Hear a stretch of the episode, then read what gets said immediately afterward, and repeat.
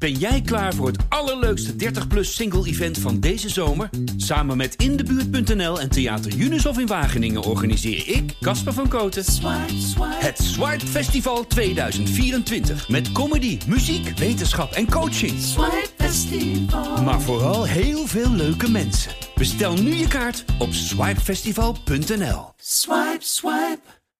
Hallo, mijn naam is Gijs Groenteman. Ik zit niet in archiefkast op de redactie van de Volkskrant. Ik zit thuis onder de hoofdslaper van mijn dochter om een interview aan te kondigen dat ik gisteren heb opgenomen met een televisiemaakster, documentairemaakster. Iemand die een van de ja, meest geliefde, veel besproken, gewaardeerde, uh, opmerkelijke Nederlandse documentaires ooit heeft gemaakt.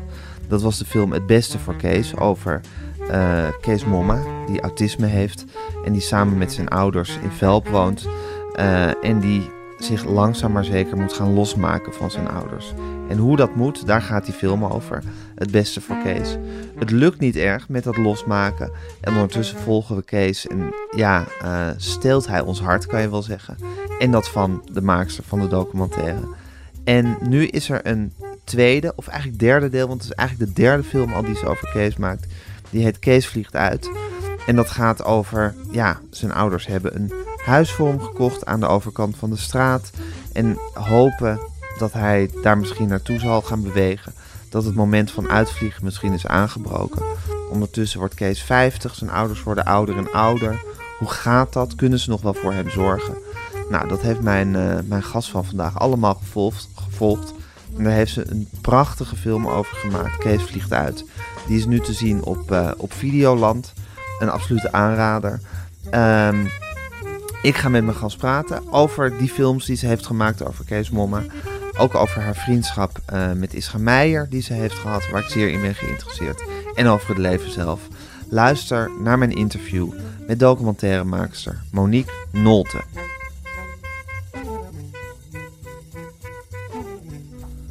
Oké okay, Monique, daar zitten we dan. Ja. Ja.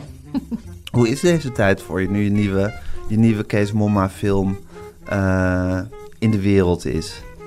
Nou, eigenlijk heel spannend, vooral in de aanloop daartoe. Waarom? Omdat er hoge verwachtingen waren natuurlijk van de follow-up van het beste voor Kees. Ja. En dan kan je bijna alleen maar teleurstellen. Dat is natuurlijk een beetje waar ik uh, bang voor was. Ja. En ik dacht, ja, de recensenten gaan natuurlijk ook heel kritisch kijken en vergelijken. En uh, ik moet je zeggen dat het meevalt. Ja? Ja, het valt mee. Ik krijg uh, goede reviews, goede reacties. Ja. En uh, gelukkig is het geen herhaling geworden van het beste voor Kees. Ik heb ook echt ernstig geprobeerd om geen herhaling te maken. Mm -hmm. Meer lagen aan te brengen en misschien ook iets meer van Kees te laten zien. Ja. Van meer kanten van zijn karakter. Ja. En dat wordt goed opgepikt. hey, en Monique, ben jij zo iemand die... Je zegt, ik was toch wel zenuwachtig. Ik ging ervan uit dat, dat, dat de recensenten hun pennen zouden slijpen. En, of een potloden. En um, ben je zo iemand die dan eigenlijk altijd van het ergste uitgaat? Zet je, zet je dan schrap voor, voor een lawine? nee, uiteindelijk uh, vaar ik op mijn eigen gevoel. Ja. Uh, wat wel zo is geweest, is dat ik heel erg kritisch ben geweest. Uh, in de montage vooral. Dus ik was echt, het heeft heel lang geduurd voordat ik tevreden was. En ik dacht iedere keer, oh, het wordt niet goed. Deze film wordt niks. Um, help.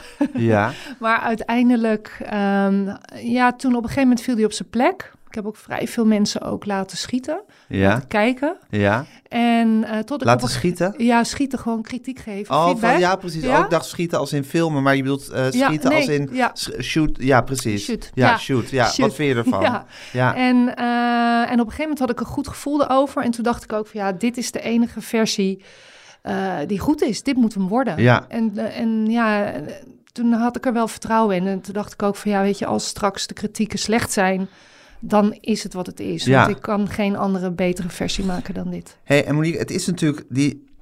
De films over Kees zijn een soort levenswerk van je geworden, hè? zo langzamerhand. Ja. Ja, dat is natuurlijk, ze hebben natuurlijk zo'n groot deel gewoon alleen al in tijd van jouw leven in beslag uh, genomen. Ja. Wanneer begon je dat te voelen dat dit een, dat, dat, dat hij een onderwerp was of dat dit een film en nu, nou, het wordt een reeks films, want het is nu de tweede, maar er, er moet, er moet nog een derde achteraan. Het is eigenlijk Komen. de derde, hè? Oh, het is de derde natuurlijk in feite precies. Nee, want je hebt, je hebt inderdaad ook nog zo'n soort follow-up op die eerste gemaakt. Nee, ik heb eerst Trainman gemaakt. Ja, dat is waar. Maar nee, ik zit nu, te- ik zit nu, ik ben nu, sorry, ik ben nu in de war, want je Ja. hebt, er is ook nog toen, eh, toen, toen eh, het beste voor Kees, want daar zit ik nu aan te denken, ehm, werd uitgekozen tot, zou maar zeggen, beste documentaire ooit, is er nog een soort interview met hem gedraaid. Maar dat heb jij waarschijnlijk niet gedaan. Nee. Dat, dat, dat dat werd uitgereikt of dat dat werd meegedeeld aan hem. Eh, nee, dat is volgens mij door de VPRO toch eh, ja, gedaan. Ja, precies. Ja. Maar het- je bent natuurlijk ooit met Trayman ben je, ben je Ja. zeggen, op zijn spoor gekomen. Juist. Toen is hij in je Ja. leven gekomen. Ja.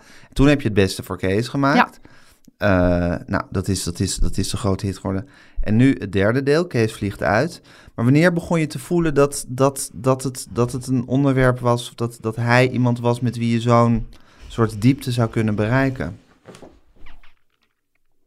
Nou, ik heb nooit het idee gehad dat ik zo lang en zoveel films met deze familie, noem ik het er maar even, met Ja. Kees zou maken. Ja, Wat wel zo is, is dat het moment dat, Ke- dat ik Kees ontmoette, Ja. dat was in 1997. ja, Toen dacht ik wel, wow, wat is dit een bijzondere jonge man. ja, En we hadden ook meteen een klik. ja, En ik vind hem heel erg bijzonder. Hij is heel puur, hij is heel eerlijk, hij raakt je in het hart. ja. Ook omdat hij zo worstelt met het leven en dat Ja. laat zien. En dat vind ik zo mooi. Hij is heel grappig. Ja, hij is ook Ja. heel grappig. Soms ook onbedoeld natuurlijk, door zijn manier van reageren. Ja, En, ehm, maar goed, toen heb ik die film gemaakt. En normaal is het zo, dan ben je klaar. En dan is ook het contact met de hoofdpersonen dat verwatert. ja, Maar bij Kees was dat niet zo. En dat, was, dat kwam eigenlijk door Kees. Want die ging aan mij vragen van kom een keer op mijn verjaardag.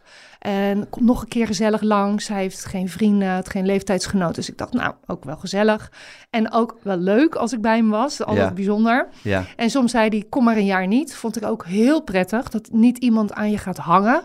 Dat gebeurt ook wel eh, soms nadat je een film hebt gemaakt met mensen. Maar hij verordeneerde dan aan jou, kom maar een jaar niet. Ja, dan zat hij... Sla maar een verjaardag over. Ja, ja, Ja, kom maar niet op mijn verjaardag, Ja. want ik zit slecht in mijn vel. Ik ben depressief, een rot jaar, weet je dat. ja, ja, ja. En, eh, maar op een gegeven moment eh, ging hij toch vaker vragen of ik langskwam. En toen ging hij brieven schrijven. Op een gegeven moment kreeg hij een computer en toen ging hij me brieven mailen. Mhm.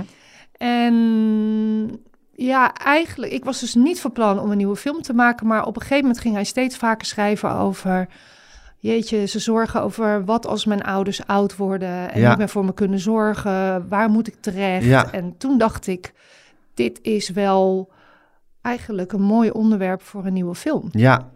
En nou ja, Want dan ben je eigenlijk voorbij het portret van Ja. wie is deze jongen. Ja. Maar dan, wordt de, dan, wordt, dan wordt de dramatische kwestie, de vraag, de dramatische vraag wordt... hoe gaat hij op eigen benen leren staan ooit? Ja. ja. Ja, en eerlijk gezegd vond ik de ouder-kindrelatie het meest interessant. Eh, de driehoeksverhouding in het gezin, waarbij vader onderaan de pikorde staat. De symbiotische relatie tussen moeder en Kees, die, dat viel me later ook op. Dan moet je maar eens terugkijken bij het beste voor Kees. Er is er een scène, dan eh, zijn ze eh, in een heel duur villa-park. Ja, En op een gegeven moment wordt Kees helemaal boos op zijn vader en hij loopt weg. ja, En als je de zenders apart beluistert, zeggen moeder en Kees letterlijk hetzelfde. Terwijl hij loopt weg. En het is echt ongelooflijk. Ze maken elkaar zinnen af. En, eh, en toen dacht ik, ze zijn helemaal op elkaar Ja. ingetuned. ja, het is echt zo symbiotisch. Ze denken soms bijna hetzelfde. Dat is Ja. ook niet raar natuurlijk. Maar, want ja, ze zitten 24 uur, eh, zaten 24 uur eh, op elkaars lip natuurlijk. Zeker, en zijn ook heel erg op elkaar gefocust. Ja. Ik bedoel, hij ziet, Ja. hij ziet in zijn moeder eigenlijk zijn redder, zou ik maar zeggen. De enige die hem echt kan kalmeren. Ja. En zij heeft natuurlijk een enorme zorgbehoefte voor hem. Of zij, zij wil echt voor hem zorgen. Ja. Ja, dus ze zijn helemaal op elkaar afgestemd. Ja. Ja, Ja, ja, en toen dacht ik, ja, dit vind ik zo ongelooflijk interessant. En eigenlijk dat woonproject waar vader aan begonnen was, van nou ja, misschien kan ik een woonproject starten, ja, een soort ijdele hoop. ja. Eh, daarvan heb ik natuurlijk, dat was eigenlijk voor mij een aanleiding om een verhaal te maken, ook over die driehoeksverhouding. Hoe zit Ja. het nou in elkaar? Ja. Is dat altijd als je iets gaat maken dat je dan toch, zou ik zeggen, de menselijke verhouding leidend, verhoudingen leidend zijn voor je? Vind ik wel mateloos interessant, ja. Ja, Ja. Wat Ja. is eigenlijk, heb je, wat, want ik vroeg, ik vroeg, wanneer kreeg je door dat Kees zo'n belangrijk deel van je, maar goed, dat is misschien inderdaad, dat is niet een moment dat je dat doorkrijgt. Maar wat, wanneer heb je ooit, voor jezelf geformuleerd wat jij in de journalistiek, om het maar even pathetisch te zeggen, interessant vindt? Waar, waar sla jij op aan? Misschien toch wel de worsteling van iedere mens om door het leven te ploegen of iets dergelijks. Om, Ja. eh, om het leuk te hebben. Ja, En ehm, ja, dat vind ik mooi en Ja. ook ontroerend. ja, dat is ook mooi en Ja. ontroerend, hè? Ja, Ja, en iedereen doet het zo op zijn eigen manier, hè? Ja. Ja. iedereen probeert maar een modus te vinden om er wat van te maken. Ja. Wanneer werd jij je bewust van die worsteling? dat het leven een worsteling is? Eh, jeetje, nou ik denk al vrij vroeg in mijn leven. Ik denk toen ik een jaar of 16, 17 was. Want mijn vader overleed eh, toen ik eh, 17 was. En ja, dan opeens realiseer je van, wow, het leven ehm, kan eh, behoorlijke heftige dingen in petto hebben voor je. En het is niet alleen maar veilig. En Uit wat voor gezin kom je? eh, vader, moeder en een broertje en ik Ja. Ja. Waar opgroeiende? in een dorp, Koudekerk aan de Rijn. Ja. Eh, dat ligt bij Leiden en Hazeswoude al van Rijn. Ja. En ik vond het helemaal niet leuk, een dorp. Nee? het echt verschrikkelijk. Dus ik wist ook niet hoe snel ik daar weg moest komen. Ja. Denk je nu met liefde terug aan het dorp als je eraan terugdenkt? Of- Nee. Nee? Nee, ik ben niet zo heel erg gek op eh dorp. Ik vind het vooral benauwd. Ja? En, dat Je vindt het beklemmend? ja, mensen letten heel erg op elkaar. En er is heel weinig te doen, vind ik. Ja, precies. Ja. Dus je voelde je, verve- je voelde je verveeld en Ja. een beetje ingeperkt. Mhm. Wat wilde je toen je 14, 15 was?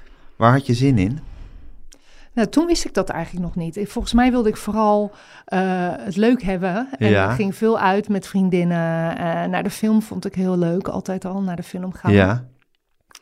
Eh, maar ik wist nog helemaal niet wat ik wilde doen. Nee, precies. Nee. Je, je Nee. voelde alleen dat wat je eventueel zou willen doen, dat je dat in dat dorp niet kon krijgen. Ja. Ja. Ja. Dus dat was heel duidelijk. En overleed je vader plotseling? Hij was ziek, hij had leukemie. Maar eh, hij is denk ik een jaar, anderhalf jaar ziek geweest. Ja, precies. En ik had het niet zien aankomen. Maar dat was ook een beetje omdat ik het beeld had van eh, mijn vader is sterk. Hij was ook nooit ziek. Hij was echt een sterke schouder in het gezin. Ja. En eh, ik dacht, die gaat het overleven. Was je gek op je vader?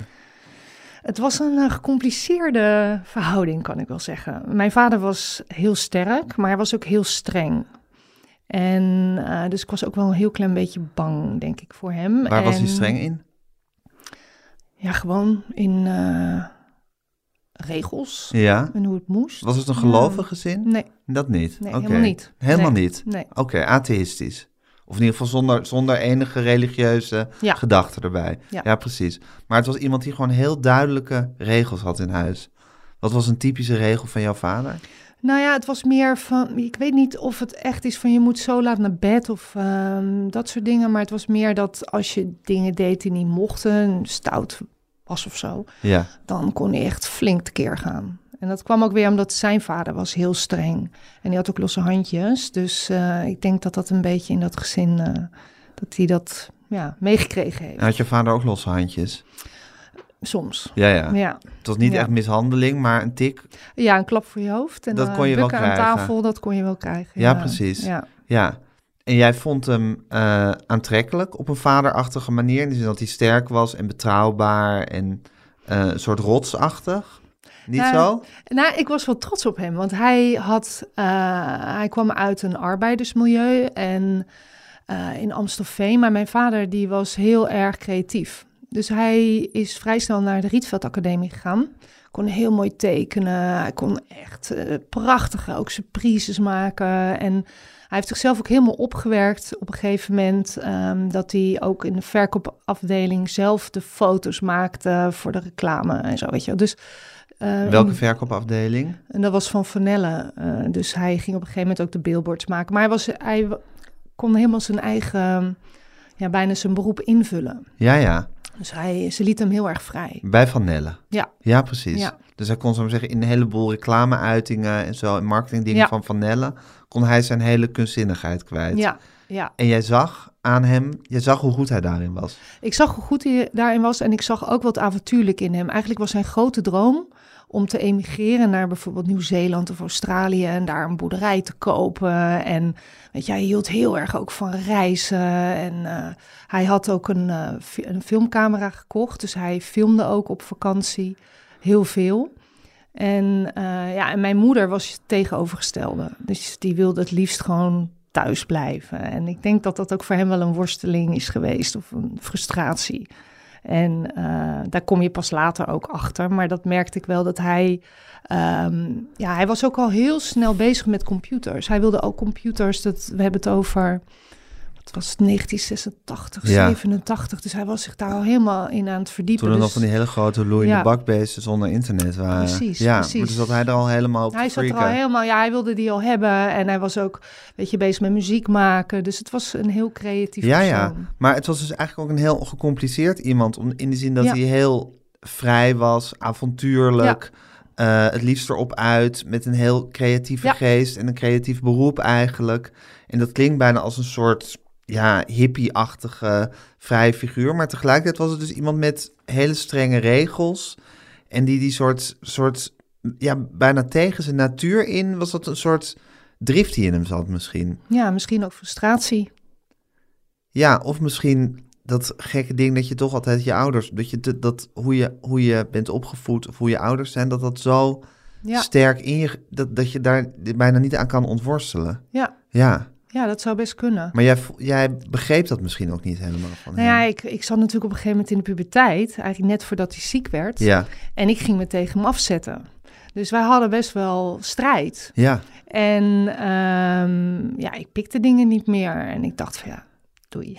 want jij bent een redelijk vrijgevochten iemand. Weet ik niet, maar... Nee, maar je ik- bent in ieder geval je wil gewoon je eigen plan trekken. Ja, ik Ja. kon niet zo goed tegen die hiërarchie, denk ik. Ik heb ook wel een beetje hekel aan autoriteit gekregen, misschien daardoor. Maar... eh, Misschien zit dat er gewoon in. eh, Ja, dat zou Ja. ook kunnen, hè? dat weet je nooit. Ja. Wat, wat is nature, wat is nurture? Ja, dat weet je niet. Nee. Dat kwam ook nooit uit. Nee, precies. Nee, Dus, precies. Ja, Maar, maar autori- je naar autoriteit schrikken is een lastig ding eh, voor Ja. je. Ja. ja, En dat heb je al met je vader toen in je jonge jaren in de praktijk eh, gebracht. nou ja... Dus je kan- zat eigenlijk midden in die strijd met hem toen Ja, hij precies. ziek werd. Ja, Ja, ja, en ook toen hij overleed natuurlijk. ja, En er werd ook niet gesproken thuis. Dus ehm, mijn vader was ziek en ik wist eigenlijk niet precies wat er aan de hand was. Dus wat ik deed was eh, telefoongesprekken afluisteren die mijn moeder voerde met eh, bijvoorbeeld zijn broers. want je bent heel nieuwsgierig. Ja, ik Ja, wil natuurlijk wel weten hoe het met hem ging en, eh, en wat er precies allemaal aan de hand was. Dus eh, dat heb ik allemaal wel eh, zitten afluisteren en een beetje zelf Dus zitten dan zat je moeder s'avonds te bellen met familie of weet ik veel wie.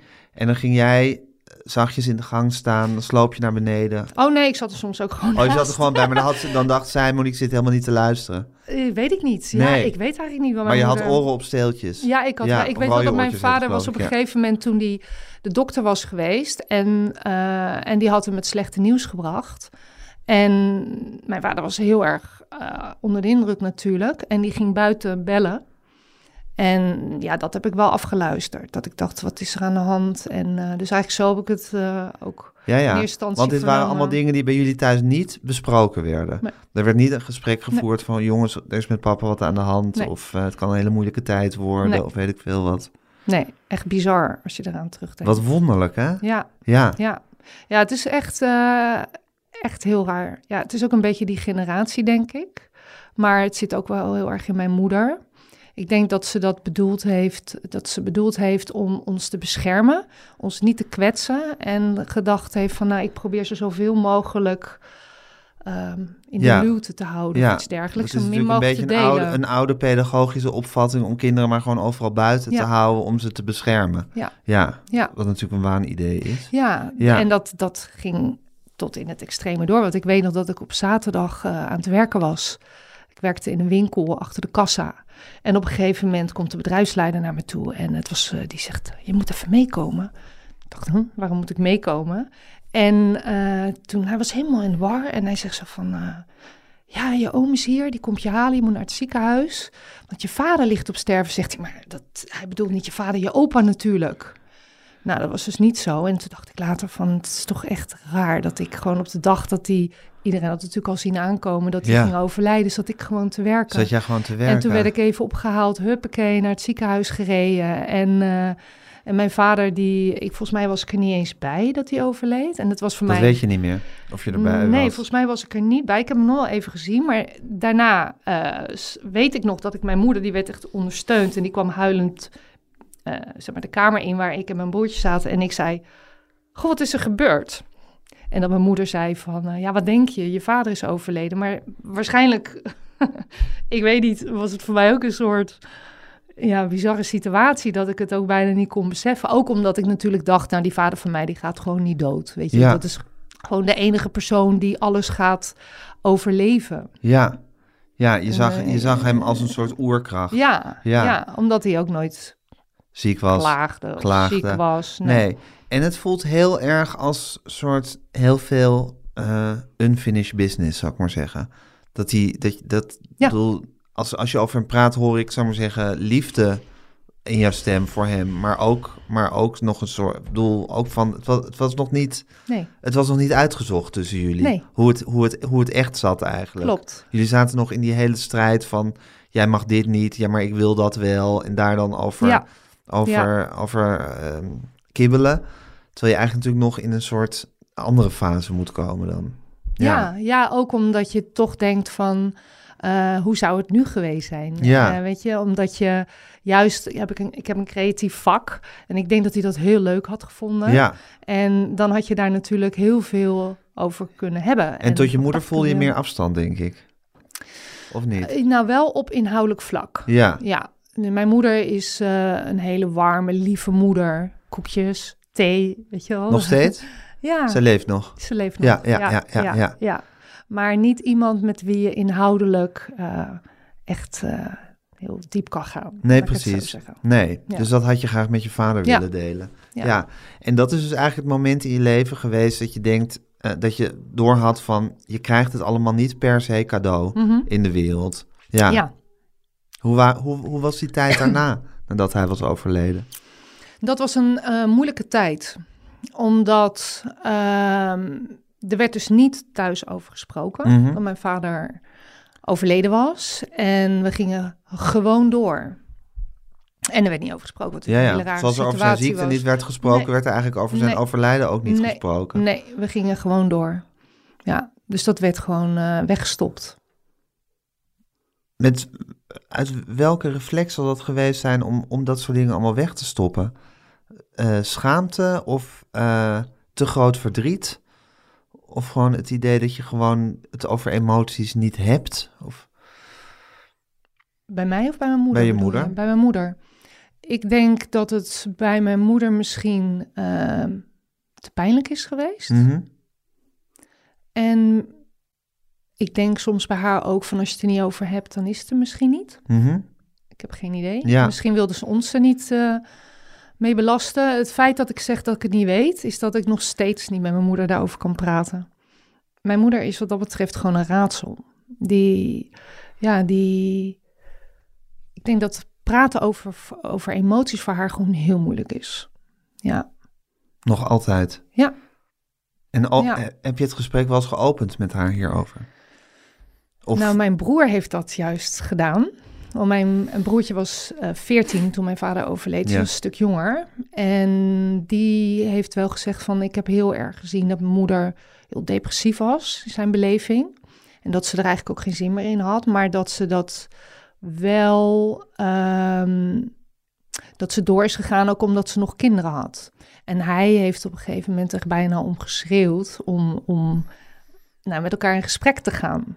En ja, dat is wel enigszins gebeurd, maar ja, dat blijft toch een lastig onderwerp. ja, ja. Ja, omdat ze heel vaak zegt, ze, ja, weet ik niet meer, of je krijgt geen antwoord. Ja, ja. Dat is heel lastig. Ze kiest altijd de woorden om het, om, het, Ja. om het zo snel mogelijk af te om zo snel mogelijk naar de uitgang te gaan in het Juist, gesprek. afleiden, Ja. eh, Ja. dat soort dingen. Wegstoppen, Ja. eh, afkappen. Ja. Ja. En, dat, en dit voelt voor jou nog altijd als een soort mis, mis, iets mysterieus van wat, wat gaat er nou toch eigenlijk in haar om? Ja, ja, ja, ja. Herken je dat? Of niet? Heb je dat ook wel eens meegemaakt?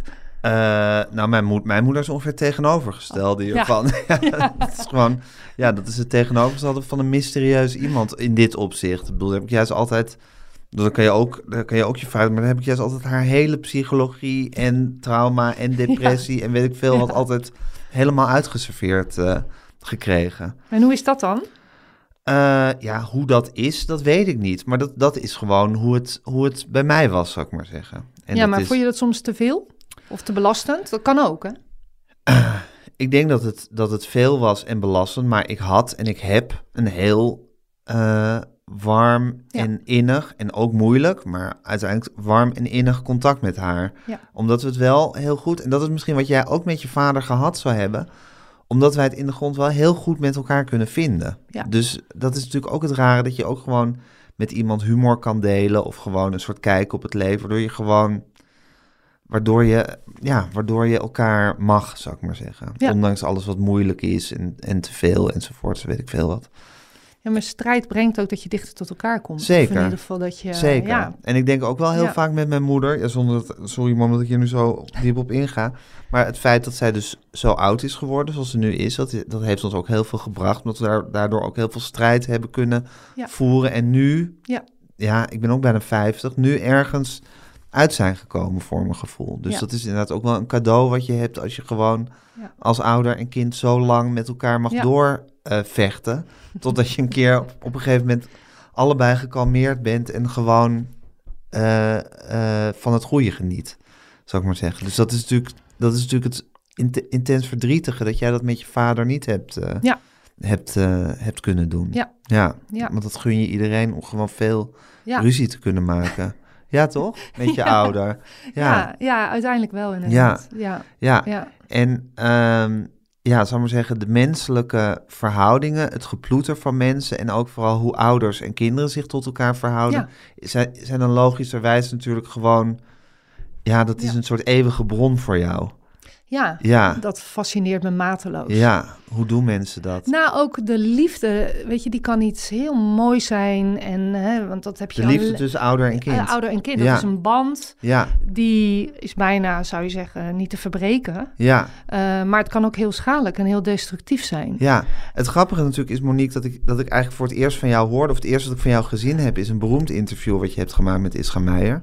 Op zijn eh, bankje in de, in de Reestraat. Ja. Een huis waar ik ook ooit nog een maand in heb eh gebivakkeerd. Toen hij op vakantie was. En eh, ik heb natuurlijk een boek over hem geschreven. Toen kende ik jou nog niet. Nee. Anders had ik je ongetwijfeld geïnterviewd voor dat boek. Want je hebt Ischa goed gekend.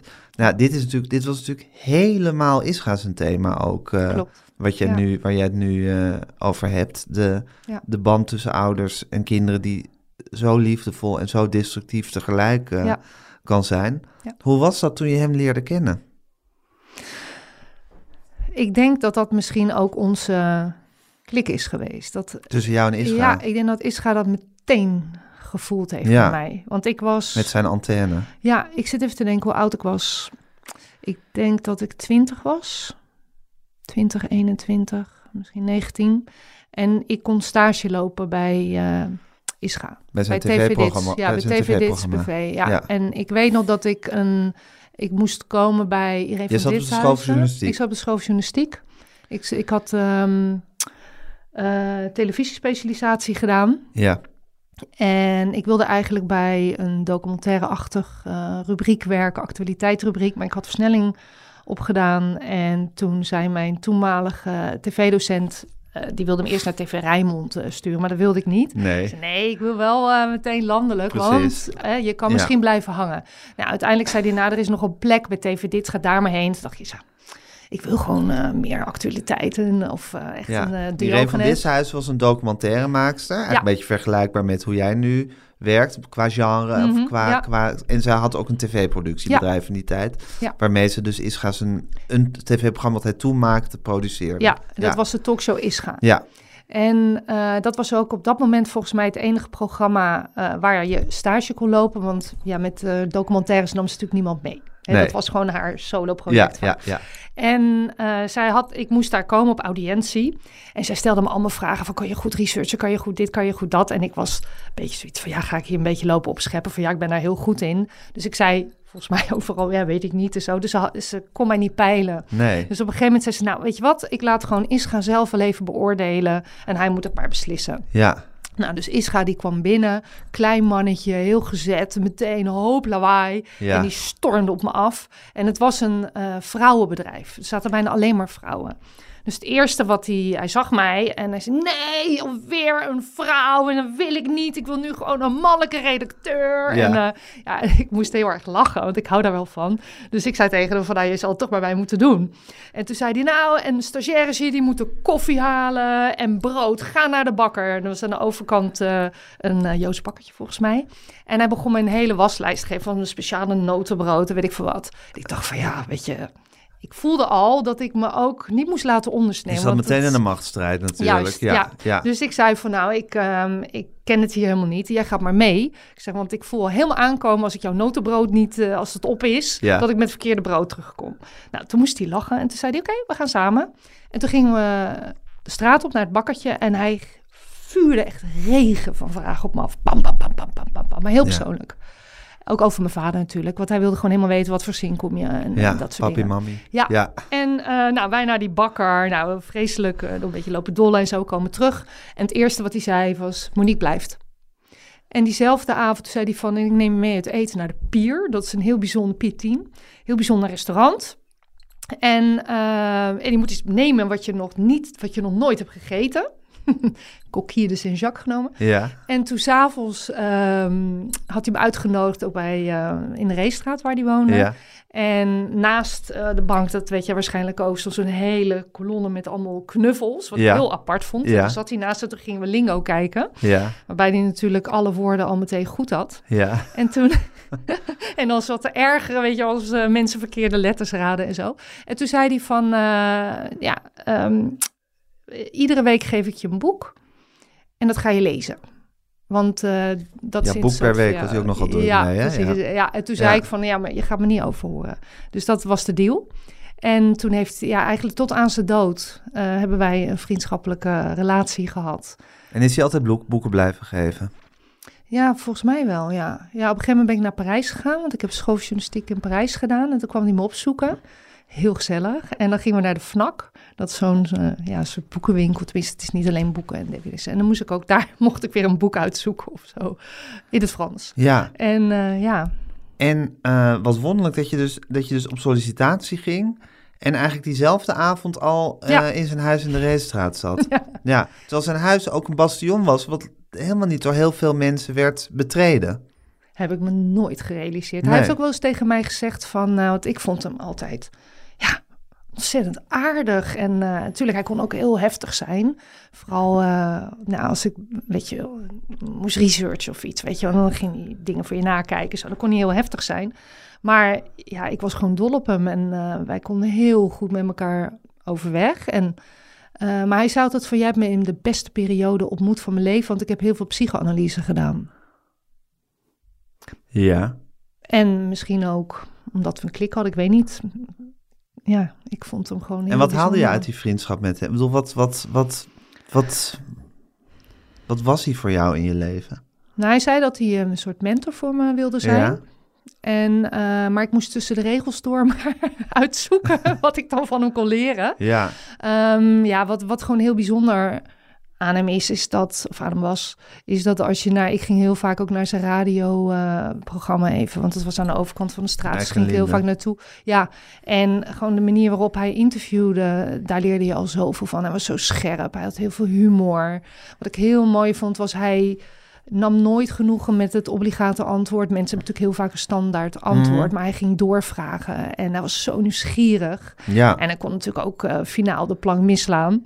Eh, maar hoe hij zich daar dan weer uitredde, weet je wel. Zijn humor was ook fantastisch. Ja, Ja. Dus, ehm, ja. ja. En het is dus ook inderdaad een les in het leven in hoe je gewoon eh, grenzeloos nieuwsgierig kan zijn naar zoiets als menselijke verhoudingen. ja, En hoe ouders en kinderen zich tot Ja. elkaar verhouden. ja, Het had natuurlijk zelf een heel, zeg ik even voor de mensen die een, zeer getroubleerde relatie met zijn ouders, met wie hij een concentratiekamp heeft, eh, heeft gezeten. Nou, dat is nooit meer helemaal goed gekomen, Nee. zullen we maar zeggen. Nee. En hij sprak ze eigenlijk ook niet meer. En eh, in, de, in de laatste, vanaf zijn nou, twintiger jaren ongeveer. En, ehm, maar dat was voor hem zo'n groot thema, waar hij altijd maar weer Ja. eh, achteraan joeg om dat Ja. te begrijpen. Ja. Maar dat snapte jij, dus dat, dat, dat voelde jij. En dat is natuurlijk inderdaad, in die zin is, kan zo iemand natuurlijk een leermeester zijn, dat je dan kan zien van, oh ja, zo kan je dat altijd maar weer daarin dat verhaal blijven opzoeken. Ja, Ja, ik weet niet of ik het helemaal zo heb gevoeld, maar ik, ik voelde wel zijn pijn. En ik vond het heel hartverscheurend ook. Van hoe die daar hoe toch... voelde je zijn pijn? Ja, gewoon in de manier waarop hij over zijn ouders sprak. Ja. weet wel dat ook die eerste avond, toen gaf hij me eh, een brief aan mijn moeder en nog een paar boekjes. En toen zei hij van, en dit ga je maar lezen. En dan eh, weet je alles over mij. Had jij, hem, had jij hem ook verteld over dat zwijgen bij jullie thuis? Ik weet niet of ik dat toen al zo goed kon benoemen. Dat ik me dat al realiseerde. Maar ik Maar denk, misschien heeft hij dat wel aangevoeld. Ja, Want dat is natuurlijk precies wat zijn Ja. thema ook was. En wat hij met brief aan mijn moeder natuurlijk heeft, eh, heeft doorbroken. Door dat gewoon zijn moeder en zijn vader gewoon in het gezicht te duwen eigenlijk. Alles wat er is gebeurd. Ja. Ja. ja, ja, we hebben er wel meer gesprekken over gehad, maar dan meer over zijn verhaal. Daar Ja. was ik altijd wel nieuwsgierig naar, hoe Ja. dat bij hem was. Ja. En eh, nou ja, hij had natuurlijk ook zijn dochter, Jessica. Ja. En Jeroen, zoon. En Jessica, die heb ik ook een paar keer ontmoet. Want die kwam dan ook eh, bij hem thuis. Dus ehm, ja, dat vond ik ook wel fascinerend. Hoe probeerde hij dan een goede vader voor haar te zijn? Ja. En hoe die daarmee worstelde. Ja. ehm, met Jeroen en zo. Ja. Ja. Ja. Daar slaagde hij ook niet altijd eh, met vlag en wimpel in.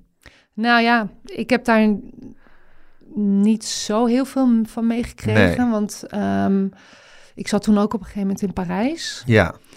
Nou ja, laten we zeggen dat het vaderschap, nou ik denk dat Nee. voor zeker voor Jeroen dat dat iets is geweest wat hij ook heeft moeten, Ja, nou dat heeft hij denk ik nooit geleerd, maar goed, dat is, dat is, dat is ook, maar goed, wat dat betreft ook vergelijkbaar met jouw vader natuurlijk. Ja. Ehm, eh, ja, hoe je het meekrijgt, is het ook moeilijk om dat van je af te schudden en het zelf dan ja. helemaal anders en beter te doen. Nou, ik merkte inderdaad dat hij, je, volgens mij kon hij voor Jessica nog wel eh, een vader zijn in die zin dat hij de warmte gaf en dat hij er vaak eh, was en Ja. haar van school haalde. Maar Ja. Jeroen heb ik wel één keer meegemaakt dat het best pijnlijk was. Dat hij hem ook wel, ja, heel erg, hij had heel veel pre prestigedwang of zo. Dat Jeroen moest heel erg presteren. Ja. dat vond ik wel pijnlijk Ja. inderdaad om te zien. Ben jij Ja. eigenlijk in je leven door verschillende fases van eh, verdriet gegaan over het, eh, de dood van je vader en het zwijgen thuis? Nou, ik denk dat ik het heel erg ook gewoon weg heb gehouden. Ja? Ja, ik denk dat ik dat heel lang heb gedaan. Ik heb het gewoon weggedrukt, ben gewoon doorgegaan. En eh, ik had natuurlijk een waanzinnige uitlaatklep. En eh, dat is de journalistiek. En tot op... Zo voel je dat ook. Ja, ik Ja. denk het wel. Ik denk dat dat wel ook mijn, eh mijn houvast is geweest. Ja, ja. ja Het ja. nieuwsgierig zijn en eh, verhalen van anderen lospeuteren en kijken wat er van te maken is, is ook gewoon een manier om je eigen verhaal. Ja. ja, en je leert er ook veel van.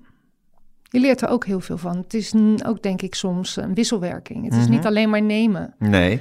En eh, alleen maar vragen stellen en een verhaal van iemand construeren. Het is natuurlijk ook gewoon een hele zoektocht naar hoe werken dan die menselijke verhoudingen en welke verhaallijnen kan je daarin vinden en eh, hoe leg je die bloot? Ja, ja, ja. En Dus- wat gebeurt er eigenlijk? Wat gebeurt er eigenlijk precies? Ja.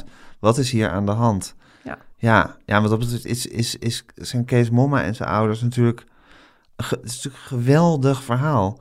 En ook zo diametraal anders dan, eh, bedoel, Kees is zo het tegenovergestelde van iemand die ook maar iets verzwijgt. Ja, Ik bedoel, bij hem is natuurlijk alles Ja. eruit en open en zeggen en delen. ja. Ja. Ja, ja, dat is wel fijn. Want daardoor kan je het wel makkelijker laten zien. Ja, Maar- het is toch wel grappig, Monique, dat je, dat, je, dat jij iemand bent die dus... Je bent opgevoed door een moeder die zo zwijgzaam is en, te, en, en het zo moeilijk vindt om het over emoties te hebben. En zoals ik je nu ken, dat is nu ongeveer drie kwartier, denk ik, lijkt je mij in iemand die in alles ook zoals je dus met Kees bent omgegaan en zoals je met Isra om bent gegaan, die eigenlijk elke emotionele stortvloed van mensen gewoon aan kan. Ja, misschien wel. Ja, ik, ik vind het ook fijn misschien. Ja, Ik vind dat fijn. het. Ja, ik Ja. vind het heel fijn. Ja, want precies Ja, wat je is zegt het, over. Isra, van dat je zegt, ik vond hem gewoon heel aardig. Ik bedoel, er zijn zoveel mensen die gewoon geïntimideerd waren door inderdaad die, dat spervuur van vragen wat hij op iedereen afvuurde, zijn, zijn heftigheid in zijn emoties. Maar het is, het is wel heel duidelijk en helder allemaal. Of heel Ja. soort eh, openbaar is het. Ja. Ja. Ja, ja, ik vind communiceren is zo fijn als je dat met iemand kan. Want Ja. je weet wat er in iemand omgaat. En wat je ook zegt van eh, strijd. ja. Dat is ook prettig. Ja. Want dan kan je weer eh, meer tot elkaar komen. Of je kan iemand beter leren begrijpen. En als iemand geen reactie geeft, dan weet je niet wie iemand is. Nee. Of wat er nou echt leeft. Weet je, mijn moeder had soms ook gewoon een beetje een geheime agenda omdat ehm, ze dan niet haar e- echte gevoelens Nee, ze wilde haar Eh, depressie ook verhullen natuurlijk. ja, bijvoorbeeld. Ja. En dan eh, wist ik natuurlijk toch wel dat het anders zat. Ja, Dus ik eh, moet ook zeggen dat ik mensen vaak niet vertrouw op hun woorden. nee. Op wat ze zeggen Ja. eigenlijk in eerste instantie. Ik ben altijd aan het peilen van, maar meen je dat ook echt? Ja, Of zeg je dit maar? ja, mijn moeder had heel vaak migraine en dan echt een heftige vorm. En dan liepen de tranen over de wangen. En dan zag Ja. ze er heel slecht uit. En dan zei ik, goh, mam, heb je hoofdpijn? Nee hoor, niks aan Ja. de hand. Ja, dan kon ik echt zo pissig soms ook worden. ja, ja, je voelt je ook gewoon bedonderd dan, hè? ja, ja, en dat, ja, dat en in waren- de maling ja, genomen. Ja, Ja, en dat vind ik dan denk ik wel fijn aan mensen die... eh, ik weet niet of je ook mijn documentaire Nikki hebt gezien. En dat is eh, een moeder met een verslavingsprobleem en Ja. borderline. ja, En dat is ook een vrouw, weet je. Alles komt eruit en heftig. ja, Ja, ik heb ook echt een zwak voor haar. Ze Ja. heeft heel veel humor. Ik hou ook echt van mensen met humor. ja, Dat vind ik wel ook een kleine vereiste. ja, zeker. Want dat maakt het leven ook behapbaar. Ja, Ehm, maar ja, dat vind ik echt heerlijk. ja. En eigenlijk geen emotie kan zo heftig zijn. Of jij, ik weet niet of dit een goede zin is die ik nu zeg, maar jij vindt emoties ook in al hun heftigheid, kwaadheid, direct reageren. Ja, wat Kees ook doet, gewoon meteen lik op stuk geven over alles. Dat vind je eigenlijk heerlijk. Nou, In ieder geval kan je daar heel goed mee. nou, er is wel een grens. Ik kan niet zo goed tegen agressie. Dus als mensen heel... ehm, ik heb wel eens een keer een eindredacteur gehad die helemaal... Wat heb je nou gedaan? En die helemaal flipte. En dan kan ik wel echt in een soort angst schieten. Mhm. Ja. Dat ik echt helemaal zo zit van, denk van, oh, help. Ja, precies. En dat, dat, eh, Maar dat is iets heel fysieks bijna. Ja, precies. Als Ja, het gewoon, als het gewoon intimi- fysiek intimiderend wordt. Ja, maar iemand als Ischa of Kees Momma, ja, grappig om hun nu gewoon als een soort. soort maar in zekere zin zijn ze ook wel weer vergelijkbare grootheden. Waarbij je zo heftig gewoon hun emoties uitgeserveerd krijgt. Dat vind je eigenlijk alleen maar heerlijk. Of dat, dat, dat waardeer je. Ja, ja, Ja, dat is zo. ik denk het wel. Ja, kijk, ik denk ook dat het moeilijker is om een film te maken met... Misschien moet ik dat nog eens een keer als uitdaging nemen. Ja, eh, met iemand die een binnenvetter is. ja, lijkt me ook wel saai. Ja, Ja, ja daarom ga ik er ook nooit aan beginnen. nee, ik zou Nee. dat ook niet als uitdaging aannemen. Nee, hè? Nee. slecht idee. Ja, Ja, Vind je het een lekker idee dat je films kan maken? Hou, bedoel, dat je zegt van misschien moet ik nog een keer bedoel, hou je van het idee van ik ga nu gewoon leuk weer een volgende film maken? En hou je van zo'n soort dat afleveren? ja. Nou, ik vind ook het proces heel erg leuk. Ja, Echt waar. Ik vind echt het proces. Soms is het Van je eindresultaat vindt een verhaal soms ergens. minder belangrijk dan het proces. Klinkt Ja. misschien heel raar. Maar het is, weet je, je, mm, je ja, de, vooral zeg maar, met Nicky en met ehm, Karen. En Ja. ook met Kees en Ja. met eh, zijn familie. Ehm, het zijn hele zware onderwerpen eigenlijk ook. En er staat veel op het spel. ja, En dan ehm, vergt dat best wel vertrouwen ook van, eh, van mijn hoofdpersonen, noem ik het maar eventjes. zeker. Om mij zo dichtbij te laten Ja. komen. En dit is altijd ook eh, een zoektocht naar wat speelt zich nou precies af binnen zo'n gezin. Maar waar Ja. liggen de gevoeligheden en hoe kan ik daar zo dicht mogelijk bij komen? Ja. En hoe kan ik het ook laten zien? Ja, En dat is natuurlijk doodeng ook voor mensen. Want zij weten ook wel van ja, dit wordt wel ehm, uitgezonden op een gegeven moment. En dat proces, dat, ehm, dat is heel bijzonder als dat goed gaat. Want dan kom je heel dichtbij en dan eh, heb je ook echt wel een band. En dat, dat, en dat is ook trouwens wat ik van Isra heb geleerd. Uh, dat was een van zijn regels. Mhm. En dat was uh, dat hij altijd zijn werk liet zien aan de hoofdpersoon. En, en, toen ik heel jong was, dacht ik echt van... Ik snap niet dat mensen als ze hun... Hè, want er zaten vaak opzienbarende onthullingen in. Mhm. Dat ik dacht van, nou, maar als ze het lezen gaan toch zeggen... Uh, nou, dit heb ik niet zo gezegd of haal het er maar uit. Maar dan zei Isra altijd, nee, dat is de blinde vlek. En ik laat het altijd lezen en ik hoef nooit radicale veranderingen te doen. Alleen maar op, op basis van feitelijke onjuistheden.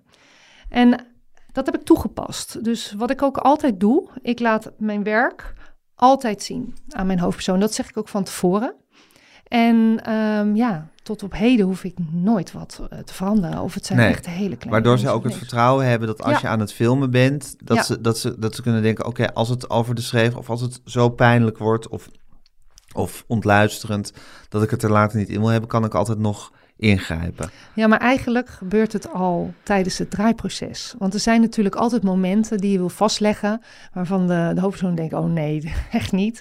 Je mag er niet bij zijn met een ploeg. Ja, En dan ga je het uitleggen ja, en dan ga je natuurlijk motiveren. ja, En ik ben een klein pippel wat dat betreft, want ik ga dan niet, als ik echt denk van ja, maar dit moet ik hebben, dan, eh, ja, dan moet het eigenlijk ook gebeuren natuurlijk. Dus dan ga ik alles op alles zetten om het gesprek daarover aan te gaan. Van waar- waarom ik het graag wil, maar eigenlijk zit het vaak in de angst van de hoofdpersoon. Eh, waarom, waar ben je bang voor? En als ik dat begrijp, dan eh, kan je het ook in een goede nuance, denk ik, filmen slash in de montage verwerken. ja, precies. Ja. Maar daar moet je eigenlijk de hele tijd over in gesprek blijven. Ja. Waarom, waarom wil ik iets? Ja. Waar, waar ben jij bang voor? Ja. Ehm, en dat moet je dus eigenlijk ook altijd met, eh, natuurlijk met je doel als maker, maar ook met compassie eh, met je hoofdpersoon. Ja. Eh, of met, je on- met, met degene met wie je het maakt Ja. doen. Ja. En je houdt van dat proces om dicht bij mensen te komen. Ja. Ja. Wat zou daar nou toch zo lekker aan zijn? Ja, Ja, het is gewoon een berg vertel beklimmen. erbij. Ja. Ja, dat weet ik niet. Ja. Ik weet het niet. Ik vind, ik, ja, ik weet het niet. Ja, het, het zijn niet voor mij, het, is niet zomaar een onderwerp of zo wat ik maak. Het zijn echt eh, mensen die, nou ja, kijk, met, met Nicky en Karen gaat het natuurlijk ook heel erg over de worsteling van Karen. Hoe ben je een goede moeder? En ehm, zij durft ook haar kwetsbaarheden te laten zien. Ook dat ze steken laat vallen vind ik heel knap, heel moedig, vind ik heel bijzonder. En ik denk dat dat heel leerzaam is voor iedereen. Mhm. Want iedereen worstelt denk ik met hoe ben ik een goede ouder. En niemand doet het goed. Dus ik vind het ook altijd heel mooi als je mensen hebt die heel sterk zijn. Sterke persoonlijkheden, humor hebben. En ehm, ja, die... Het geworstel laten zien Ja, en het geploeter. niemand is zwart-wit. Nee. Ik vind het ook helemaal niet interessant om mensen te veroordelen of te zeggen van, nou, dit is de bad nee. En ieder, iedereen ploetert maar wat raak. Ja, Heb jij kinderen, Monique? ja, Hoeveel? één dochter. ja. 17. En hoe vind je het ouderschap? Ja, dat is eh, een leuke uitdaging. Ja. Ups en downs? Nou ja, Goede dagen en minder goede dagen? Nou, het is natuurlijk iets fantastisch. Hoor. Ja, het, dus- ouderschap. ja, dat is Het is heel het leukste wat er is. Ja, dat, vind, vind ik. ja, Maar tegelijkertijd ook onmogelijk om het goed te doen. ja, precies, precies. Je laat altijd steken vallen en, eh, en vooral de puberteit is altijd een uitdaging, denk ik. Ja, Zij ze in algemeenheden. ja. Ja. ja. Nou ja dan, dan verandert je kind natuurlijk en zet zich af. En ja, hoe ga je daarmee om? Maar dat is ook weer heel leuk. Ja, ja, ja, Ja. En daarom ook heel leerzaam om te zien hoe anderen het eh, doen, Ja. al ploeterend. Ja, Ja, ja. En het is natuurlijk inderdaad grappig dat als je juist als je een soort extreme situatie hebt, zoals nou, bijvoorbeeld zoals, zoals Kees of als dan Nicky die in, in zulke moeilijke omstandigheden opgroeit, dat het aan de ene kant ver is van hoe, hoe je misschien in een soort, soort gezin waarmee je iets meer in het gemiddelde zit, eh, functioneert. En tegelijkertijd is, het, zijn, is elke situatie natuurlijk een uitvergroting van iets wat heel herkenbaar is Ja. voor ons allemaal. Ik Ja. bedoel, dat zei ik al net tegen je voordat we aan deze opname begonnen. Dat natuurlijk het, het geweldige aan, aan die films met, eh, met Kees Momma is, is dat hij aan de ene kant een, een uitzonderlijke en excentrieke figuur is op zijn eigen manier, maar tegelijkertijd is, is elke emotie die hij heeft, herken ik ook. Alleen Ja. uit, het, uit hij het zo anders dan ik het ooit zou doen. Maar in die zin is het ook heel herkenbaar. En daarom ook Ja. heel ontroerend, maar ook grappig vaak natuurlijk. Ja. Ja. Ja. Hey, en Monique, nu is het zo dat eh, je was nu in het soort van nieuws, of tenminste het nieuwtje om jou heen was dat je, dat je deze film hebt uitgebracht bij eh, Videoland. Ja. Eh, en je hebt hem met, door middel van crowdfunding en ook een beetje sponsoring heb je hem, Ja. heb je hem kunnen maken. En het is natuurlijk een gigantisch project voor je, eh, voor je geweest. En voorwaar niet makkelijk om daar ook nog een paar euro aan, eh, aan te verdienen. En de eerste film, of het beste voor Kees, heb je gemaakt voor de NPO. Ja. Je, je wilde graag, of Videoland wilde die film graag ook uitzenden. Nou, daar kwam een kort geding over van de NPO.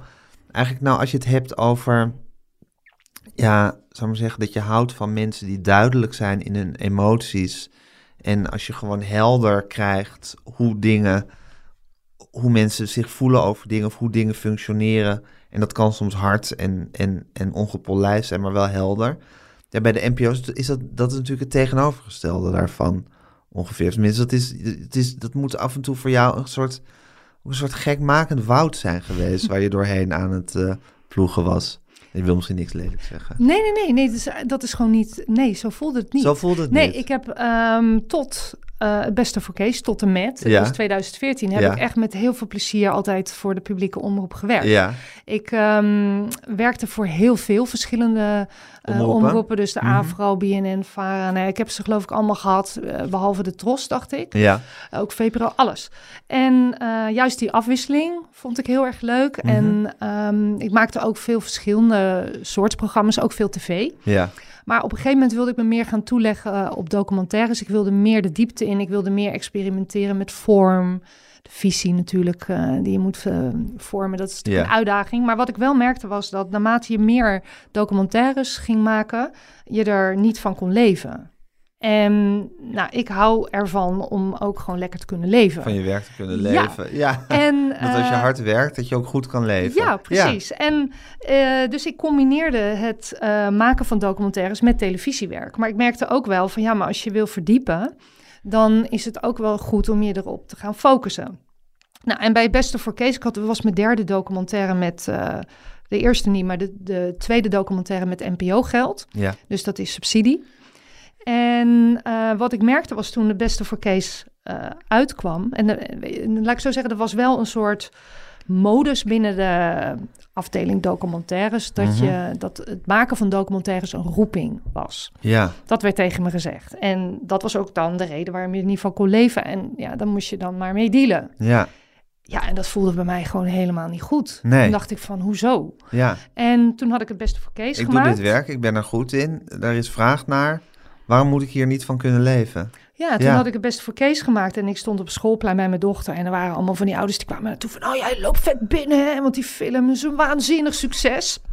En ik, had, eh, ik kon de maandelijkse rekening niet betalen. Weet je, ik had zo met mijn vriend een vast eh, bedrag... wat we per maand eh, op de rekening storten. En Ja. ik, ik kon er gewoon, omdat ik me helemaal gefocust had... kon ik eh, op documentaire maken, kon ik die rekening niet betalen. Toen dacht ik, ja, dit voelt gewoon niet goed. Ja, En het voelt niet alsof ik succesvol ben, Ja. want anders moet je toch kunnen leven van je werk. En toen dacht ik, ja, en ga ik dit dan zo doorzetten? Ga ik nog meer docus onder deze voorwaarden maken? En nou, ik, vond, ik dacht, nee, dat wil ik niet. Dus ik heb toen tegen de NPO gezegd, eh, ik, ik was eigenlijk ook helemaal niet van plan om, ik had ook helemaal niet op gerekend dat er nog een follow-up van Kees zou komen. Want die moeder die had, eh, zeg maar, de woonoptie die er was van tafel geveegd. Dus ik dacht, nou, die Kees en zijn moeder, die blijven tot tot de dood Ja. waarschijnlijk samen. Die gaan gewoon niet meer uit elkaar. In ieder geval Nee. niet de eerstkomende 10, 15 jaar. Want die vader die had het ook al een beetje opgegeven Ja. natuurlijk... na dat hele woonproject. Ja, Of het is die vijf jaar mee bezig was geweest. Dus ik wilde eh Nicky maken. En eigenlijk was de KRO-NCV, want eh, zij, dat was de omroep die het beste voor Kees had uitgezonden. Die zeiden, nou, we zijn wel geïnteresseerd in Nicky. Ehm, toen zei ik van, nou, ik moet even nadenken of ik dat wel wil via het NPO-fonds. Ik wilde sowieso niet meer met een producent werken. En ik dacht, dat kan ik net zo goed zelf doen. Dan kan ik nog iets meer geld aan Ja. verdienen. En ehm, dus ik ben eerst gaan researchen. En eigenlijk, ik denk in 2015, toen uh, bleek opeens dat er een huis werd gekocht aan de overkant van de straat. Uh, voor Kees. Voor Kees. Ja. Dus toen dacht ik, hey, dit is natuurlijk gewoon de film die ik wil maken. Want wie weet gaat nu het losmakingsproces beginnen. Ja. Dus toen had ik twee films. Ja. En um, nou, die wilde natuurlijk Caro en CV ook hebben. En toen heb ik gezegd van nou, als wij kunnen praten over andere voorwaarden, ja. dat ik er uh, iets meer uh, mee kan verdienen. Ja. Of dat er een betere rechtenverdeling is. Of dat we praten over verdeling van exploitatieopbrengsten. Dan, uh, dan wil ik het wel voor jullie gaan maken. Dan wil ik Wat zijn exploitatieopbrengsten voor zo'n film? Ja, dat, bedoel, is dat... we hebben natuurlijk over 2014. Ja. En uh, dat was wel een andere tijd. Maar um, op een gegeven moment merkte je dat er ook heel veel uh, advertenties werden geplaatst. Ja, precies. Hè, als je nu um, Kees wil kijken, beste voor Kees, die staat online. Ja. Dan uh, moet je twee, twee advertenties ja. bekijken. Ja. En, um, en de, hij is acht keer herhaald. Ja. Um, ja, dus je dacht van ja, als, er, als, als het weer zo'n succes is en er wordt op een of andere manier geld mee verdiend, dan kan ik daar toch ook een beetje in delen. Oké, dat, dat zijn exploitatie. Dus jij, jij wilde daarover praten. Wilde Hoe gaan we dat praten. verdelen? Ja, ik wilde daarover praten. Toen zeiden ze, nou, dat, uh, dat doen we niet. Want uh, wij hebben maar één regel en dat is uh, als je een documentaire wil maken, dien je een scenario in bij het, bij het uh, NPO-fonds. En dan wordt er, kijkt er een commissie naar. En als het gehonoreerd wordt, dan mag je hem maken. Ja. Zo is het. En, ja. dan, nou ja, dan, en dan krijg je een bedrag. En dat is voor ja. de hoeveelheid werk en tijd die je erin steekt best wel schamel. Dat is eigenlijk ja. alleen maar het aantal draaidagen, montagedagen, um, iets voor een scenario. Maar alle research en alle extra tijd, spotten, dat soort dingen, dat zit er gewoon niet nee. Uh, in. En Nee. natuurlijk, weet je, als je, uh, dat was ook helemaal niet mijn bedoeling in eerste instantie, toen ik het beste voor Kees ging maken, dat het een project van vijf jaar zou duren. Maar ja, zo lang duurde dat woonproject. Dus eerder kon ik hem ook niet beëindigen. En bij dit project weet ik, weet ik ook niet, wist ik ook natuurlijk niet van ja, welke kant gaat het op? Ja. Weet je, gaat hij erin wonen? Hoe lang uh, gaat het duren? En bij Nicky was ook een, een verhaal waarvan ik wel wist, het gaat over een meisje. En ik wilde laten zien, hè, ze was twaalf, eigenlijk toen ik haar ontmoette tien. Um, twaalf toen begon te filmen. Um, ja, hoe, ik, 65% van deze kinderen hè, die opgroeien uh, in een gezin met ouders met psychische en verslavingsproblematiek raken beschadigd. Ik dacht, ja, ik wil haar wel een tijdje volgen om te kijken van hoe gaat het bij haar. Ja, Dus dat kan je niet binnen een jaar vastleggen. Dus dat is eigenlijk uh, als maker dus helemaal niet interessant. Je kan beter een film per jaar maken. Want als je er meer tijd in steekt, ja, dan, is, dan krijg je gewoon niet, dat, dat krijg je gewoon niet betaald. ja, En dat wilde ik gewoon niet. Dus toen heb ik bedacht, nou weet je wat, als we nog niet kunnen gaan praten, Mhm. dan ga ik gewoon beginnen. En ik dacht ook van, ik heb met Kees natuurlijk een ijzersterke titel in handen. ja. Dus als ik ergens uh, principieel in wil zijn, of Ja. als ik ergens mee kan onderhandelen, die titel, ik gokte erop, ik kan hem wel kwijt. ja. Ik ga hem wel verkopen omdat hij zo populair is. Ja, maar je had Ja. toen ook nog geen streamingdiensten, niks. Nee. Dus ik dacht, nou ja, ik gok er gewoon op dat ze wel gaan bewegen en dat we ergens uitkomen. Dus ik heb geld geleend. In eerste instantie voor beide films. En daar heb ik mijn draaidagen van betaald. Ik heb wat sponsorgeld gekregen. Ik heb uh, televisiewerk erbij gedaan. Ik had een, uh, een uh, tv-serie over uh, advocatenkantoor. Dus daar, daar kon ik mezelf Ja. van betalen. Ja. Weet je wat? Dus daar leefde Kon je ik van. bijdragen op de Ja, gezamenlijke precies. rekening. Ja. Precies. Ja. En uh, zo had ik nog wat dingetjes, dus ik had wat tv-werk erbij.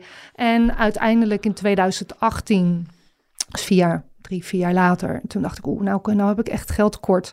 Dus toen dacht ik, verzin een list. En toen ben ik uh, um, bij de Wereldrijd doorgekomen en toen hadden we bedacht van... Uh, kunnen we de voorpremière in de arena organiseren? Omdat uh, wat ik had gedaan is, ik had een aantal van de brieven van Kees die hij mij stuurde, Ja. die had ik vlak voordat het beste voor Kees uitkwam op Facebook gezet. Ja. Want ik dacht namelijk, ja, het is niet zo'n sexy film, weet je. Het is een zwaar thema, gaat over autisme. Ja.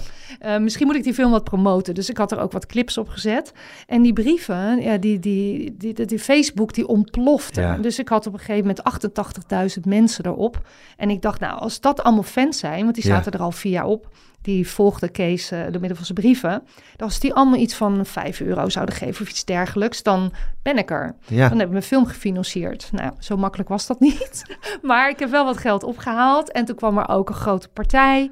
Uh, die zei van, oh, maar ik vind die film heel waardevol. Dus wij willen wel een garantstelling bieden. En wij willen ook wel doneren. Dus eigenlijk zo had ik um, ja, de helft van mijn productiebegroting. Uh, ook bij. Nicky trouwens. En daar bleken heel veel fondsen, ik had geluk, die, uh, want het was een vergeten groep kinderen, die zoiets hadden van ja, maar met deze film kunnen we die vergeten groep kinderen uh, onder de aandacht brengen. Ja. ja, en, en eigenlijk al die jaren heb ik uh, de publieke omroep erbij gehouden. Ik heb het gesprek opengehouden. Dus ik heb iedere keer gezegd, ik ben nog steeds geïnteresseerd. zijn jullie nog geïnteresseerd? Willen jullie praten over betere voorwaarden? En toen werd er gezegd, ja, maar je, hebt nou, je bent al begonnen, dus dan hebben we alleen een aankoopbedrag. Hè? Eén keer uitzenden, dan hou je de rechten. Maar dan heb je ook um, maar één keer dat het uitgezonden wordt. En dan was het 7000 euro. Ja. Maar ik zat er voor meer dan 4 ton ongeveer per film in. Dus ik dacht, ja, ja. dan ben ik nog slechter af. Ik zei, nee, dat ga ik echt niet doen. En toen werd het van, nou oké, okay, dan hebben we nog een standaardbedrag is 45k.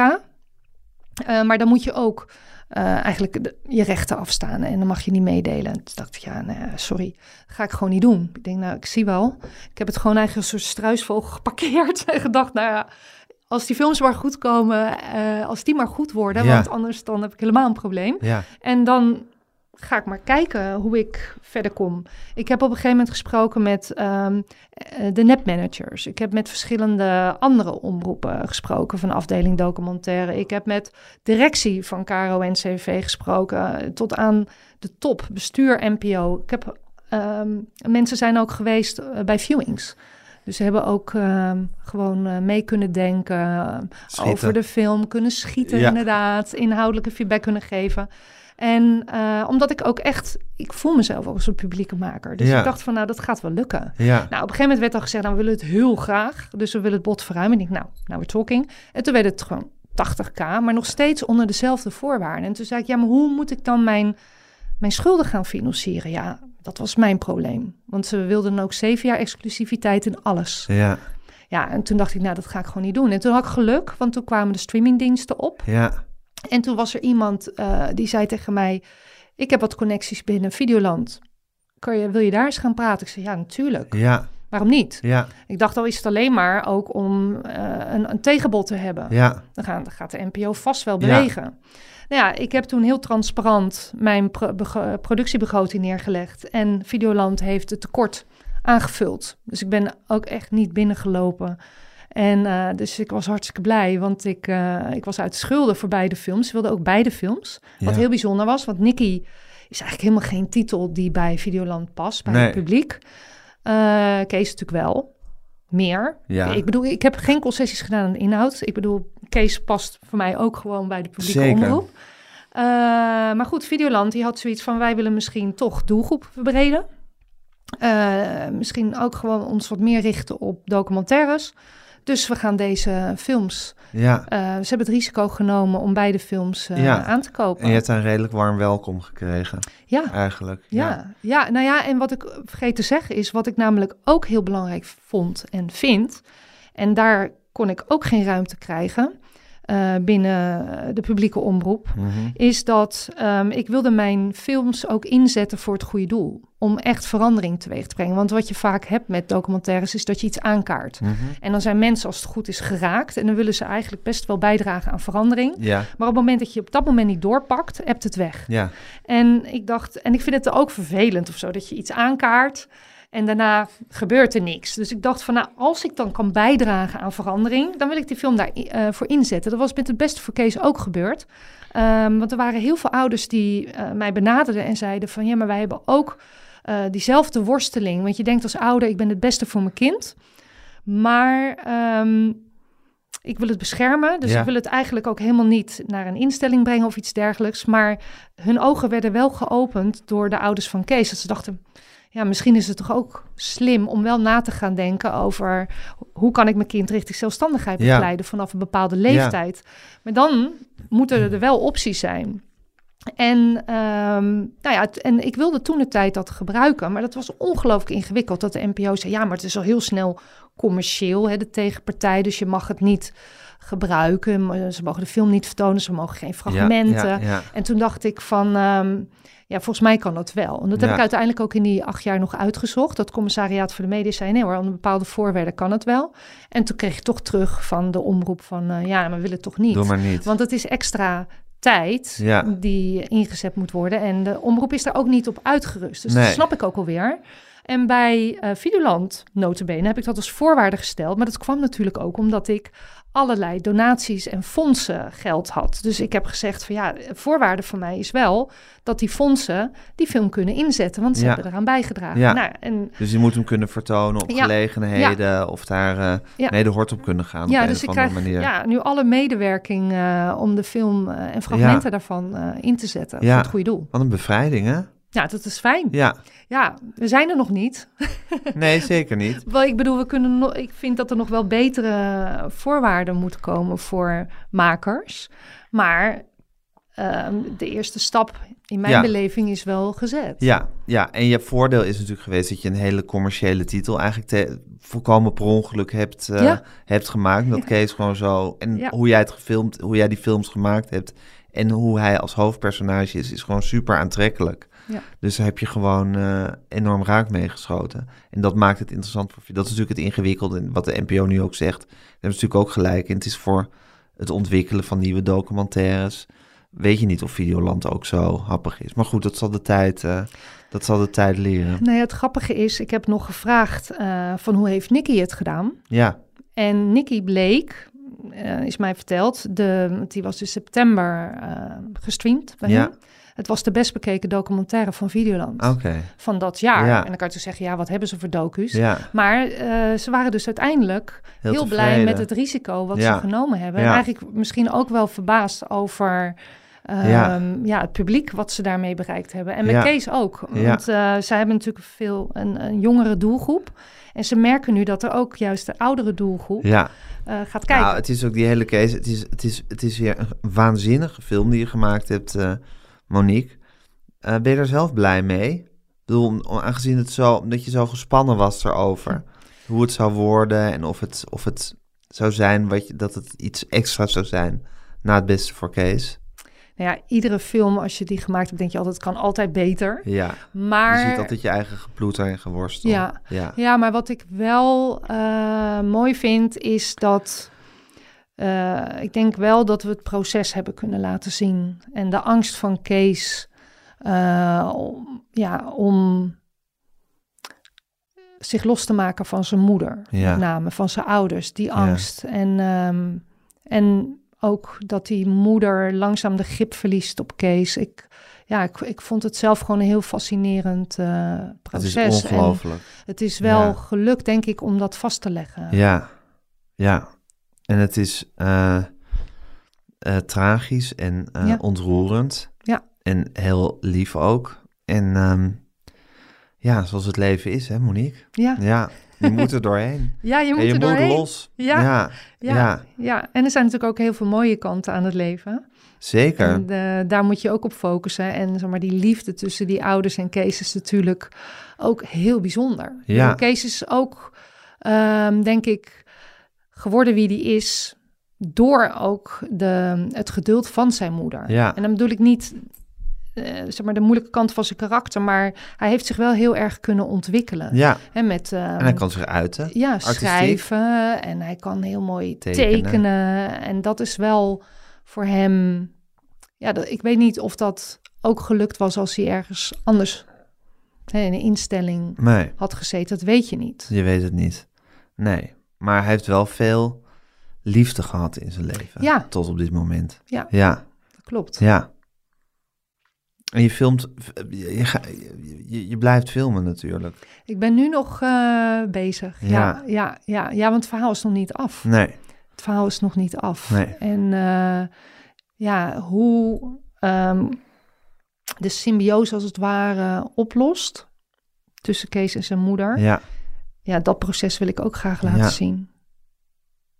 En ook um, ja, hoe Kees omgaat met moeder die geestelijk achteruit gaat. Ja. Wat natuurlijk voor hem nog extra angstiger of meer angstig is dan voor iemand.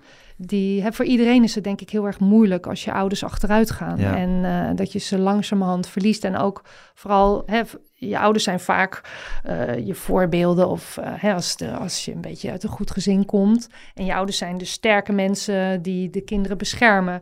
En um, bij wat je bij Kees ziet is dat hij daar zo naar verlangt. En hij heeft het ook heel erg nodig, die veiligheid. En ehm, sowieso houdt hij heel erg van structuur. Hè? Dus hij wil dat alles blijft zoals het in zijn kindertijd was.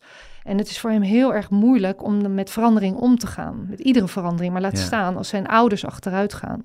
En, eh, en juist ook omdat hij nog afhankelijk is. Hij is echt extreem afhankelijk van zijn moeder. En dat beseft hij zich. Dus voor hem is het nog angstiger. Ja. En dat, dat vind ik uh, ja, heel pijnlijk om te zien. Zeker, maar ook weer, nou goed, we moeten niet te veel spoilen. Maar ook weer mooi hoe die dat, hoe die, ja, hoe die daar ook op kan reflecteren zelf. Ja. En zichzelf ook herpakt daarin. Of daar, zichzelf daar ook tot de, ja, eigenlijk tot de orde roept. Uh, ja, wat, wat, wat mij wel verbaasde is zijn enorme veerkracht. Ja. Hij heeft enorme levenswil en lust. Ja. En eigenlijk is hij sterker dan die, denk ik, uh, zelf zich realiseerde ook. Ja. En, uh, en dat hij heeft uh, zichzelf vermand, ja. zei hij. Dat is een mooi woord. Ja, nee, maar dat heeft hij echt. Ja. Ja, ja. Nou ja, ik vond het een weergaloze film, uh, Monique. Dank je wel. gefeliciteerd daarmee. en gefeliciteerd met de manier waarop je nu gewoon in de wereld is. Want dat is toch ook een, een, een strijd voor je geweest. Ja. En die ben je aangegaan. Ja. Maar je bent wel een strijdvaardig type, hè? Ja, Toch? denk het wel. Ja. ja, denk het wel. Ja, een soort zachte strijd. Ja. Ja, ja, ja, ja. ja, Wel met open vizier. Met open vizier, ja, precies. Ja, maar niet, uh, maar niet voor een kleintje vervaard. Nee. Nee, nee. Ik ga wel door. Ja, je gaat wel door. Nou, dat moet ook als doc documentaire maken is natuurlijk ook gewoon doorgaan de hele tijd. Ja. En je er doorheen, er doorheen worstelen. Ja. Ja, ja. Hou je ervan, van het werk? Ja, hè? Ja, ik vind het heel leuk. Ja. ja, ik vind het echt heel leuk. Het heeft ook zoveel facetten, weet je. Je hebt de researchfase, dus dan ligt alles open... en dan moet je echt de personages nog vinden... en nadenken over waar gaat het onderwerp Ja. precies over. Dan heb je natuurlijk het filmproces... waar je dus echt ja, met, met de hoofdpersonen die band moet aangaan... en eh, ja, heel erg moet gaan zoeken naar hoe leg ik dingen vast die ik zie... En dan vervolgens heb je nog een keer de montage, Ja. waarin je juist je het heel- verhaal echt gaat maken. ja, en, eh, en, vooral dat proces vind ik ook echt heel erg leuk. Omdat Ja. je dan één op één ook werkt met editors en Ja. nou de afwerking. En iedereen die weer wat eh, ja, moois toevoegt aan het product. Dat en vind ik ook ben je echt- zo dichtbij gekomen. Ja, dat is. Heel, eh, heel bijzonder. En, en wat ik heel bijzonder vind is dat je... nou ja, dat is waar ik naar streef. Is dat de hoofdpersonen, noem ik het maar even... dan eh, ook tevreden zijn met de film. Ja, Dat ze er blij mee zijn en dat ze vinden dat het respectvol gemaakt is. En eh, nou ja, zoals bijvoorbeeld nu met Kees heb ik eh, die vader en moeder leven dus nog. En vader is echt wel echt heel oud geworden en kan niet meer zo goed lopen. Maar we hebben dus een, een première gehad. En eh, ja, hij is echt ook zo'n man die vroeger altijd speeches gaf en iets dergelijks. Dus hij wilde ook per se op het podium staan. En dan was de hele familie en iedereen Ja. was daar. Dat was ook echt een feestje om dat eh, met de familie te vieren. Ja. Dat vind ik dan ook wel heel bijzonder. ja, Ja, snap ik. dus dat is, het is een heel, ja, echt een heel mooi vak. Ja. Heel rijk eigenlijk. Ja, Denk je nog vaak aan Isra eigenlijk? Is hij iemand die nog regelmatig door je hoofd schiet? ja zeker. Ja? Zeker, Op ja. wat voor momenten? Nou, ik heb sowieso heel vaak gehad dat ik een, een hele periode, als ik aan het koken was, dat ik altijd eh, van een dikke uur Israël opzette, dus Ja. een radio-interviews. Ehm, dat je ik gewoon heb- een podcast opzetten? Ja. ja precies. Ja. Ja, ja. Dan eh, ging ik gewoon al die afleveringen weer luisteren Ja. achter elkaar. En dan toch weer verbazen over hoe, hoe hij interviewt Ja. en hoe hij dat doet. Veel over hem gelezen natuurlijk. Al zijn boeken heb ik ook. Dus eh, ja, af en toe sla ik dat weer eens open. Ja. Ja, en op het moment, ja, ik weet niet, als je soms zit te interviewen of als je bezig bent, dat ik altijd wel aan hem moet denken. ja. En soms van hoe zou hij het gedaan hebben. Maar het is ook meer gewoon een voorbeeld, omdat het, ik vond het gewoon een sterke man die ook heel erg zijn pad bewandelde. Hij was niet bang. Dat Misschien was deep down niet. soms wel Ja, natuurlijk, hij, over, hij, onzeker. hij, hij, ja, hij weigerde zich bij zijn angst neer te leggen. precies. Hij overschreeuwde het. Ja. dat herken ik wel een ja, beetje. Ja, ja, En ja. eh, dat vond ik ook wel heel mooi Ja. aan hem. Dus dat, eh, ja, ik- dat, daar denk ik wel eens aan. En natuurlijk gewoon aan die warme momenten. Weet je, dat hij me kwam opzoeken in Parijs. En dat we dan zei hij, ah, ik neem je mee naar het eh, mooiste restaurant, weet ik veel. En dan moest ik echt... ja. eh, Dan moest je weer dingen gaan eten die je niet kende. ja, maar dan had hij die poepworstjes, weet je, die andouillette, het Oh, ja. goedkoopste wat er was. Nou ja, dat soort dingen, weet je. ja, gewoon, eh, En zie je je moeder nog vaak? ja, zeker. Dan ga je gewoon af en toe op bezoek. Ja, En zeker. dan gaan jullie het lekker hebben over Ja, waar het niet echt over gaat. Ja. Ja, mijn broer is er ook soms bij met zijn gezin. Dus dan zijn we gewoon met z'n allen en dan eh, maken we het gezellig. oké Monique. Nou, ik wens je het allerbeste. Dankjewel. En ik blijf je lekker volgen. Ja, leuk. Dankjewel. Dankjewel. Dit was in, met Groenteman in de kast met Monique Menolte. Mijn naam is Gijs Groenteman. Ik maakte deze podcast samen met Tamar Bot en Fanny van der Rijt. Redactie Daan Hofstee, die alles netjes in uw oortjes bezorgde. Corine van Duin, die de eindredactie deed. U kunt ons mailen, podcast.volksland.nl. U kunt ons volgen op Instagram. En geef ons toch vooral lekker veel sterretjes.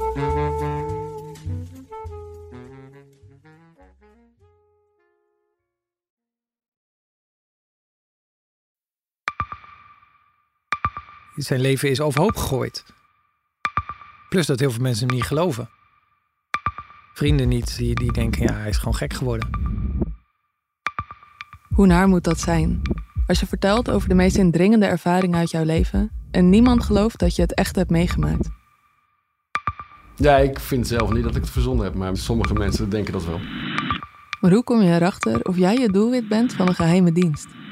Ik heb ook wel eens meegemaakt dat je het idee hebt dat inlichtingendiensten in je geïnteresseerd zijn. En dan kun je wel heel veel zien, wat er misschien helemaal niet is. Als ik s'avonds nog iets ging eten, dan volgden die mensen mij naar het restaurant. En dan terug van het restaurant naar het hotel. Als zij op een gegeven moment zei, kijk maar uit, want anders word je dadelijk nog ontvoerd ook. Shit, ik moet hier weg. Dat is, dat is niet goed. Nu word ik gevolgd. Een soort Truman Show is het gewoon. Hè? Alsof dat hele straatbeeld voor jou is ingericht. Maar dan wel met bedoeling ja, jou niet door te laten. Dit kan geen toeval zijn. Een nieuwe podcast van de Volkskrant. Mijn naam is Simone Eleveld en samen met Huid Modderkolk ontrafel ik een bizarre operatie van de geheime dienst. Wat het doel ook is, jij verliest het. Ik werd opgepakt, heel lang ondervraagd. Maar hoe krijg je grip in een wereld die zo onderzichtig is? Als je zou liegen, dan zou je niet de meest relevante informatie twee jaar later tussen neus en lippen doorvertellen. Er zal nooit iemand zeggen, oké Bart, ik geloof je. Nooit, nooit. Dit kan geen toeval zijn. Vanaf 3 oktober bij de Volkskrant. Ik weet niet of ik je ook alles kan vertellen. Het is echt te bizar. Wat? Ehm, ja. Ben jij klaar voor het allerleukste 30-plus single-event van deze zomer? Samen met Indebuurt.nl en Theater Junus in Wageningen organiseer ik, Casper van Koten, het Swipe Festival 2024. Met comedy, muziek, wetenschap en coaching. Maar vooral heel veel leuke mensen. Bestel nu je kaart op swipefestival.nl. Swipe, swipe.